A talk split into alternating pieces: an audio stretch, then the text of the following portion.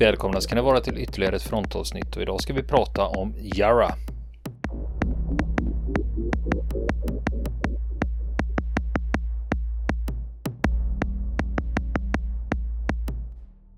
Och nu ska vi fortsätta prata om Yara. Och senare i maj under den här konflikten mot Irak då så förde eh, skepparen Harrington, han hette Wilfred Hastings, han hette Wilfred Hastings Harrington, eh, befäl över en sjöstyrka under en annan kombinerad operation som hade målet att skingra alla fiender på östra sidan av Chatalarab. Eh, den här floden då där eh, vid utloppet till, eh, till Persiska viken där Eufrat och Tigris flyter ihop. Och man skulle gå upp flera kilometer uppströms i floden då. Och den här styrkan den leddes av Jarrah och skulle genomföra ett bombardemang på en utvald punkt och där skulle man landsätta indiska trupper. Och när uppdraget sen var slutfört så skulle de indiska trupperna gå ombord igen på transportfartyget medan Jarrah skyndade reträtten. Ehm, före den här operationen så genomförde man en spaning natten till den 23 maj mot landstigningsplatsen. Då hade man skickat i land sex matroser från Jarra som gick i land som förklädd, förklädda som araber. Och följande natt så var det dags. Då stävade Harringtons styrka som bestod av Jarra, två boxerbåtar och två andra mindre fartyg mot den här landstigningsplatsen. Eh, från vilken då man skulle göra en räd mot eventuella trupper i, fiendetrupper i grannskapet. Och klockan fyra på morgonen den 24 plats var alla fartygen på plats och Jarra började bombardera utvalda mål med sina luftvärnskanoner, alltså, som alltså var huvudbestyckningen på, på fartyget. Och man la också ut en rökridå för att skydda själva landstigningen. Och sen, fyra timmar senare var operationen över, helt odramatiskt, och styrkan var på väg nerströms igen. Och då hade man förstört ett par byar och förbrukat 43 100 mm granater och eh, eh, en stor del av eh, ammunitionsförrådet till den lättare bestyckningen ombord. Eh, 20 mm och eh, 303 eh, Och knappt hade kriget i Irak avslutats framgångsrikt förrän ett nytt problem dök upp i Mellanöstern. Det är ju klassiskt, det är ju ständigt problem där och det var det ju även då i skuggan av andra världskriget. Och det gick till så här att den 22 juni 41, då vet vi ju vad som hände. Är det Barbarossa eller? Då är det Barbarossa. Då anföll Hitlers arméer Sovjetunionen och startade ett blixtkrig. Man rycktes fram snabbt österut och la under sig stora områden av Sovjetunionen. Och redan i augusti så stod de tyska trupperna utanför Leningrad och i söder så närmade man sig Krim och Kaukasus. Och den här framryckningen i söder såg man redan då som ett strategiskt hot mot brittiska intressen i Mellanöstern, närmare bestämt i Persien, nuvarande Iran. Därför att eh, strategerna på bägge sidor i kriget, både på den tyska och på den brittiska sidan, såg att man skulle kunna svinga runt Kaspiska havet, komma ner eh, i Kaukasus och sedan gå söderut och hota oljekällorna i Persien. Och eh, Persien var en, då en viktig strategisk bricka för, det, för Storbritannien och det brittiska kolonialväldet vid den här tiden, speciellt när man var i krig. Både på grund av oljan och då på grund av att det var en viktig länk i försvaret av Indien och de indiska besittningarna. Men problemet var att man inte kunde lita på den persiska regeringen. För den hade länge tolererat och uppmuntrat tyska agenter i landet och de var väldigt, väldigt tyskvänlig regering som satt vid makten där. Så då bestämmer sig Storbritannien och Sovjetunionen tillsammans för att gemensamt invadera Iran. Ryssland från norr och britterna från söder. Och det här är liksom en, eh, en gemensam operation som är eh, nästan helt bortglömd idag. Annat än av specialintresserade av världskrigets historia. Det har gått mig helt spårlöst förbi. Mm. Ja, du får ju tänka att man tänker på en av de här stora konferenserna som hölls mellan, mellan de allierade ledarna under kriget. Det var ju Teheran 1943. Och den hölls ju där för att det var, det var ett område man kontrollerade. Samtidigt så var det ett område som, där man möttes på halva vägen så att säga. Eh, Men var det inte så att Stalin var flygrädd? Ja, ja, han var flygrädd och han var rädd för att lämna Sovjetunionen en längre tid. För han var liksom paranoida diktatorer som eh, oroar sig för vad hans underhuggare har för sig när han är borta. Eh, och Teheran var typ det längsta han vågade åka bara. Eh, och det var tillräckligt långt bort från de aktiva fronterna då också för att, eh, för att han skulle känna sig säker. Men den här invasionen, gemensamma brittisk-sovjetiska invasionen, den var planerad att börja den 25 augusti 1941. Och det här är ju vid en tidpunkt då det går väldigt illa för Röda armén på östfronten. Och det ser ut som om Sovjetunionen faktiskt skulle kunna förlora kriget mot Tyskland. Och det ser inte ut som det finns någonting som på allvar kan hejda de tyska arméerna. Och vid den här tidpunkten så genomför man en invasion av ett främmande land samtidigt. Och den brittiska delen då av operationen så det inbegrep tre parallelloperationer. Man skulle erövra Abadan det är den platsen där de stora ol oljeraffinaderierna låg och ligger. Dit olja pumpas från källorna då längre in i landet. Och nummer två, det var att erövra eh, den iranska marinbasen Khorramshahr. Och nummer tre, att erövra en annan persisk hamn som heter Bandar Shapur. Den ligger utanför Hormuzsundet, eh, borta vid gränsen mot Pakistan kan man säga. Eh, och bägge de här två örlogshamnarna skulle man eh, erövra, hoppades man tillsammans med alla fartyg som fanns i hamnarna. Men man hade inga stora resurser att avdela när det gällde eh, på sjösidan då, utan man hade bara tillgång till tre eskortfartyg, varav ett var Jarra, plus en liten kanonbåt, en korvett, ett par beväpnade motorbåtar, två beväpnade flodångare, en trålare och sist men inte minst då ett australiensiskt handelsfartyg som hade byggts om till hjälpkryssare. Den hette Canimbla och den fick också en, en eh, intressant roll framöver i den här operationen.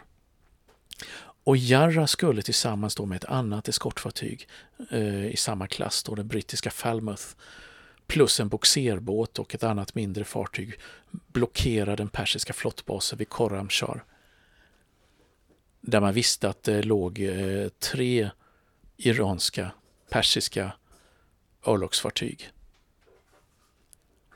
Och man visste också att det i land fanns en garnison på ungefär tusen man under ledning och allt det här då under ledning av en iransk, en persisk amiral. En kompetent persisk amiral faktiskt som hette Bayendor. Och eh, Jarra som fortfarande låg förankar vid, eh, i Chatt al-Arab vid den här tidpunkten. Eh, lättar ankar vid ett-tiden på natten mot den 25 augusti 41. Och ombord så har man då också en pluton indiska soldater. Alltså inte mer trupper än så. Och man skulle följas av eh, det brittiska eskortfartyget Falmouth som i sin tur hade två plutoner ombord. Så det är ju liksom inga imponerande infanteristyrkor man har med sig för att ta kontroll över en, eh, en fientlig örlogshamn där det finns eh, tusen fiendesoldater. Men planer och verklighet, det är ju olika saker ibland, det vet man ju. Så man hinner inte så långt förrän Falmouth går på grund. Och skepparen ombord på eh, Jarra, eh, Wilfred Harrington då, han, eh, han eh, bestämmer sig för att ja, jag får väl fortsätta ensam och försöka lösa uppdraget då med min båt och den här boxerbåten och den här infanteriplutonen med indier som han har ombord. Och han kunde bara hoppas att tidvattnet så småningom skulle få Falmouth att eh, loss, gå loss från grundet och hinna ikapp innan det blev allvar av. Och den här natten då när man stävar mot Korramshar så är det, det är mörkt, det är fortfarande väldigt varmt och det är fullkomligt dödstyst och stilla. När de här mörklagda fartygen rör sig nedströms. Och eh, på eh, ena sidan av Chatal Arab har man ju de persiska utposterna. Och eh, man var orolig för att man skulle bli beskjuten av dem.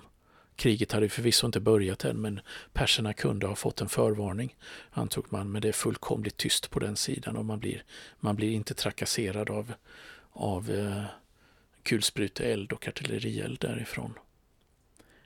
Och efter tre timmars färd, då är klockan åtta minuter över fyra på morgonen 25 augusti 41, dagen för anfallet, så är Jarra och de andra små fartygen då i position utanför den persiska flottbasen. Och Harrington han bestämmer sig för på plats där för att sänka det närmaste persiska örlogsfartyget. En kanonslup, slup, eh, en kanonslup som heter Babber, vilket betyder tiger på persiska. Och han glider upp tyst i eh, det fortfarande mörka eh, ja, morgonmörkret bakom ett ankrat handelsfartyg och avvaktar tills bara en liten stund senare stridslarmet börjar längre nedströms och kungjorde att, som kungjorde då att den brittiska operationen vid Abadan, vid raffinaderierna, hade inletts. Det blev anfallssignalen. Och då beordrar Harrington full fart framåt, slår på sökarljusen och öppnar eld mot det helt oförberedda persiska fartyget där man inte hinner bemanna kanonerna. Man besvarar inte elden och efter tio salver så brinner det persiska fartyget från för till akter. Och en liten stund senare så flyger det bakre ammunitionsförrådet i luften och fartyget gick under i hamnen. Och nu är det ju förstås liv och rörelse och de har vaknat till ordentligt i hamnen. Och Jarra hon stävar då upp, bestämmer sig för att stäva upp för eh, floden eh, som eh, löper ut i hamnbassängen. För längre upp i floden, Karun, så ligger två persiska kanonbåtar för ankar. Och när Jarra girar in i floden så kommer det några salver från marinbarackerna, alltså förläggningarna där soldaterna ligger. Eh, kulsprutesalvor. Men den elden tystades snabbt av fartygets kulsprutor och en granat från eh, kanonerna. Och när Jarra närmar sig kanonbåtarna så utbröt då en halvhjärtad gevärseld från kanonbåtarnas däck. Alltså av någon anledning så har man inte bemannat kanonerna trots stridslarmet före. Men den här elden den tystas snabbt när Jarras kulsprutor börjar svepa längs relingen på, på de här kanonbåtarna. Och det australiensiska eskortfartyget då, Jära lägger sig långsides på den ena kanonbåten och skickar över en bordningsstyrka. Och då är det inte infanterisoldaterna man skickar över utan man har satt samman en egen av besättningen. Några artillerister, några kockar och stewards och andra annan, eh, annat manskap ombord. Och eh, de möter inget motstånd ombord mer än några förflugna kulor för den, för den förskrämda persiska besättningen gömde sig under däck och var inte alls på humör att slåss längre. Och efter att australiensarna då skickat några kulor ner genom skeppsluckorna så kommer besättningen upp med händerna i vädret och kapitulerar. Och den andra ka kanonbåten kapitulerar också. Under tiden så får Harrington rapport om att Falmouth har kommit loss och är på väg i full fart mot Korramshar och han bestämmer sig då för att invänta det fartygets ankomst innan han satte i land eh, sin lilla infanteristyrka. Det kan ju vara bättre med tre plutoner än bara en i det här läget och det är alltså tyst och stilla när man avvaktar med 90 fångar ombord. De flesta persiska matroser, men också några italienska mekaniker som har funnits i hamnen. Och nästan en och en halv timme efter stridens början så anländer Falmouth då till floden Karun. Då är klockan halv sex på morgonen och då går alla trupper i land. Tre plutoner. Och vi vet ju att det var ju många fler soldater i hamnen. Och där pågår strider under hela morgonen. Och de landsatta eh, brittiska, indiska samväldesstyrkorna får snabbt övertaget trots att de persiska soldaterna var många fler. Eh, och vid tio tiden på förmiddagen så är hela barackområdet i brittiska händer. Och då flyttas, eh, då passar man på att flytta över fångarna från Jarra till ett depåfartyg eh, som han har med sig. Eh, som han har erövrat i hamnen och tagit kontroll över. Och förut, förutom då de här italienska mekanikerna, för de sätter man i arbete på att reparera den, den ena persiska kanonbåtens maskiner som är trasiga. Och vid det laget så finns det fortfarande kvar en persisk motståndsficka Eh, vid floden i närheten av telegrafstationen. Men det motståndet där det bröt också samman snabbt när den persiska befälhavaren, när amiralen Bayendor stupade. Och sen efter en lång, mörk, varm dag så har de allierade ockuperat hela Korramshar, både flottstationen och staden. Och Jarra stävar ut ur Persiska viken mot Bandar Abbas vid Hormuzsundet efter fullgjort uppdrag. Och under tiden som detta pågår så har de brittiska operationerna till lands varit mycket framgångsrika vid eh, Banda, ba, Abadan och eh, Bandar Shapur. Och där vid den sistnämnda orten, Bandar Shapur, så hade den här hjälpkryssaren som jag nämnde tidigare, det här bestyckade handelsfartyget och en brokig skara små fartyg lagt beslag på sju fientliga eh, fartyg på sammanlagt nästan 50 000 ton bruttovikt. Och, eh, men det fanns fortfarande ett axelmaktsfartyg kvar i persiska farvatten. Ett stort transportfartyg som heter Hilda på 5000 ton som eh, befann sig i eh, den här eh, hamnen eh, Eh, vid Hormuzsundet dit, eh, dit eh, Jarra var på väg, Bandar Abbas alltså. Det var en hamn som man fortfarande inte hade kontroll över. Och uppdraget var att eh, lägga beslag på det här fartyget för man var i, var i stort behov av tonnage för, eh, för de allierade transporterna och ett eh, fartyg till kunde ju inte skada att lägga beslag på. Men när man kommer dit då på kvällen den 27 augusti, alltså ett eh, par dygn efter att man har lämnat, eh, lämnat Koramshar. Ja, under tiden som eh, den här affären vid den persiska marinbasen pågick så hade de brittiska operationerna till lands varit framgångsrika och man hade slagit persiska trupper vid Abadan och Bandar Shapur, det är två ställen där med oljeraffinaderier och hamnar. Och eh, vid den sistnämnda orten, Bandar Shapur, där hade den här eh, australiensiska hjälpkryssaren, alltså det här bestyckade eh, handelsfartyget jag berättade om tidigare, Kanimbla, och eh, en brokig radda småfartyg lagt beslag på sju fientliga transportfartyg på nästan 50 000 ton sammanlagt. Så det var ju en rejäl framgång. Men fortfarande så fanns det ett axelmaktsfartyg kvar i persiska farvatten. Eh, och det var ett transportfartyg som hette Hilda på 5000 ton och eh, eh, den hade siktats utanför i trakten av Hormussundet vid Bandar Abbas. Och det var därför som Jarra hade skickats dit för att försöka erövra, borda och erövra det här fartyget då. För det kunde innehålla ja, värdefulla förnödenheter eh, krigsmateriel och annat som eh, man ville lägga beslag på.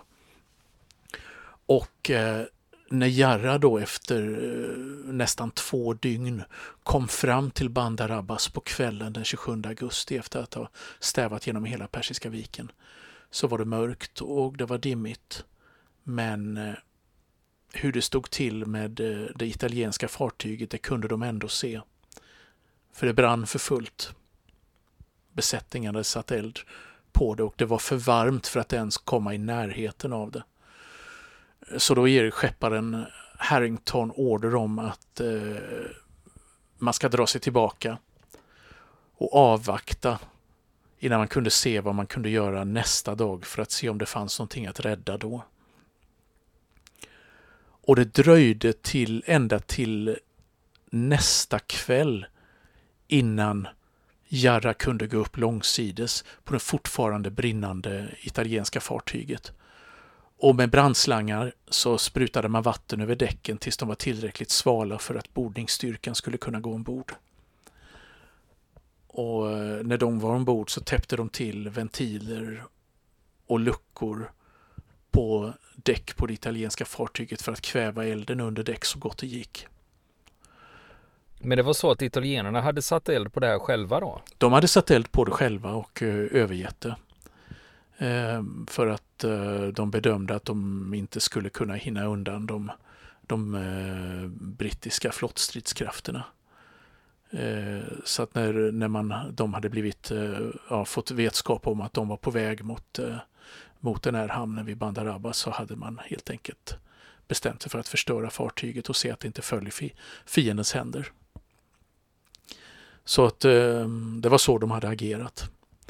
Men man hade ju då fått ombord här en bordningsstyrka för att kunna ja, eh, få elden under kontroll, bedöma skadorna och se om det fanns någonting av intresse att, eh, att eh, rädda eller kanske rädda hela fartyget ändå om det gick att reparera. hon konstaterade då snabbt eh, efter att ha tagit, eh, tagit eh, det här eh, vraket kan man väl säga, italienska vraket på, i släptåg så hade man fortfarande bordningsstyrkan ombord på eh, det här bytesfartyget med fungerade som brandsläckningsmanskap och fortsatte bekämpa elden. Eh, och då var det ju så att förskepps och runt bryggan så var det mesta förstört men akterut var fartyget ännu helt oskadat. Så att eh, det fanns, eh, man hade hopp om att kunna gå ner och, eh, och hitta, hitta saker. Men det första man hittade, det var skeppskatten, för den var fortfarande vid liv. Och två duvor, två brevduvor alltså, och en som man trodde en riktigt ful getabock som det står i den australiensiska rapporten från den här insatsen då. Eh, och katten den tog man ombord direkt och adopterade och duvorna de släppte man på fri fot. Men, eller fri fot, kan man, väl, kan man säga de duvor? Nej. Ja, fri vinge. fri vinge, ja. och, eh, men däremot så förbjöd skepparen Harrington kategoriskt att geten skulle tas ombord på Järra. Detta efter att den hade gjort ett oprovocerat anfall mot hans andra officer ombord på Hilda. Så att den där, det där otäcka djuret det fick stanna kvar ombord på det italienska transportfartyget. Och i ett par dagar så boxerade Jarra eh, det italienska fartyget i riktning mot Indien och kom fram då till slut i närheten. Man närmade sig gränsen mellan Persien och Indien. Och nu kanske det finns en del som vaknar till att vad då gränsen mellan Persien och Indien? Det är ju Pakistan som ligger där. Ja, det är det. Men Pakistan var en del av Indien före 1948. Så att, eh, så att då, på den tiden så gränsade det brittiska kolonialväldet till eh, det, brittiska kronkolonin Indien till, till Persien, Iran. Eh, men och det, där hade man planerat att man skulle föra den in i en, någon hamn där för att kunna, kunna undersöka den ordentligt. Men eh, det italienska fartyget började sjunka allt djupare i fören. Och eh, då beslutade Harrington att köra henne på grund bara, alldeles bara eh, någon sjömil väster om gränsen till Indien och vänta där på en boxerbåt som kunde liksom sköta den sista biten av vägen. Och eh, det tog, eh, efter ett par dygns väntan, så anlände en boxerbåt och tog över allt det här. Då, det var den 5 september eh, 41. Och eh, efter detta så eh, ja, då släppte Jarra det här uppdraget och man begav sig till Kuwait istället, tillbaka in i, i Persiska viken. Och eh, under den här resan så blev eh, då Harrington liksom till slut övertalad att ta ombord den här bångstyriga getabocken som vid närmare undersökning visade sig vara en vild gasell. Som den italienska besättningen hade, hade antagligen som eh, för köttets skull eller av ren, ja, för att det var ett exotiskt djur. Det finns väl ingen förklaring till det. Men därmed så var Australiens och den australiensiska flottans del i eh, operationen för att ta kontroll över den här viktiga Mellanösternregionen över. För britterna de hade snabbt erövrat hamnarna och raffinaderierna och de hade slagit ut den persiska flottan, besegrat persiska truppstyrkor nere vid kustområdena och det här övertygade shahen om att fortsatt motstånd var lönlöst. Och bara två dagar efter den här operationens början, den 27 augusti, så avslutades striderna med vapenvila mellan britter och eh, persiska trupper. Och den 2 september så godtog den persiska regeringen eh, de brittiska och ryska villkoren som bland annat gick ut på att den eh, dåvarande regeringen skulle avgå och man skulle sätta in en, en regering som var mer vänligt sinnad mot de allierade. Och mycket riktigt den 16 september så avgick då den, även den protyske shahen till förmån för sin son. Och den sonen, det vet vi vilken det är. Han som satt så jäkla länge sedan. Det var han som satt ända in på 70-talet tills han störtades av Khomeini. Ali Reza Pahlavi. Och nästa dag, 17 september 41, så marscherar både brittiska och ryska trupper in i Teheran och håller parader, segerparader och så vidare där. Och därmed så är, är Persien, nuvarande Iran, då i ett fast grepp hos de allierade. Och kommer att så vara under resten av kriget. Och nästa vecka fortsätter vi prata om Yara. Vill ni komma i kontakt med oss så kan ni göra det via vår Facebook-sida som heter Fronten. Det är inga problem för er att leta er fram där. Eller också så mejlar ni på vår mejladress och det är frontenpodcast@gmail.com.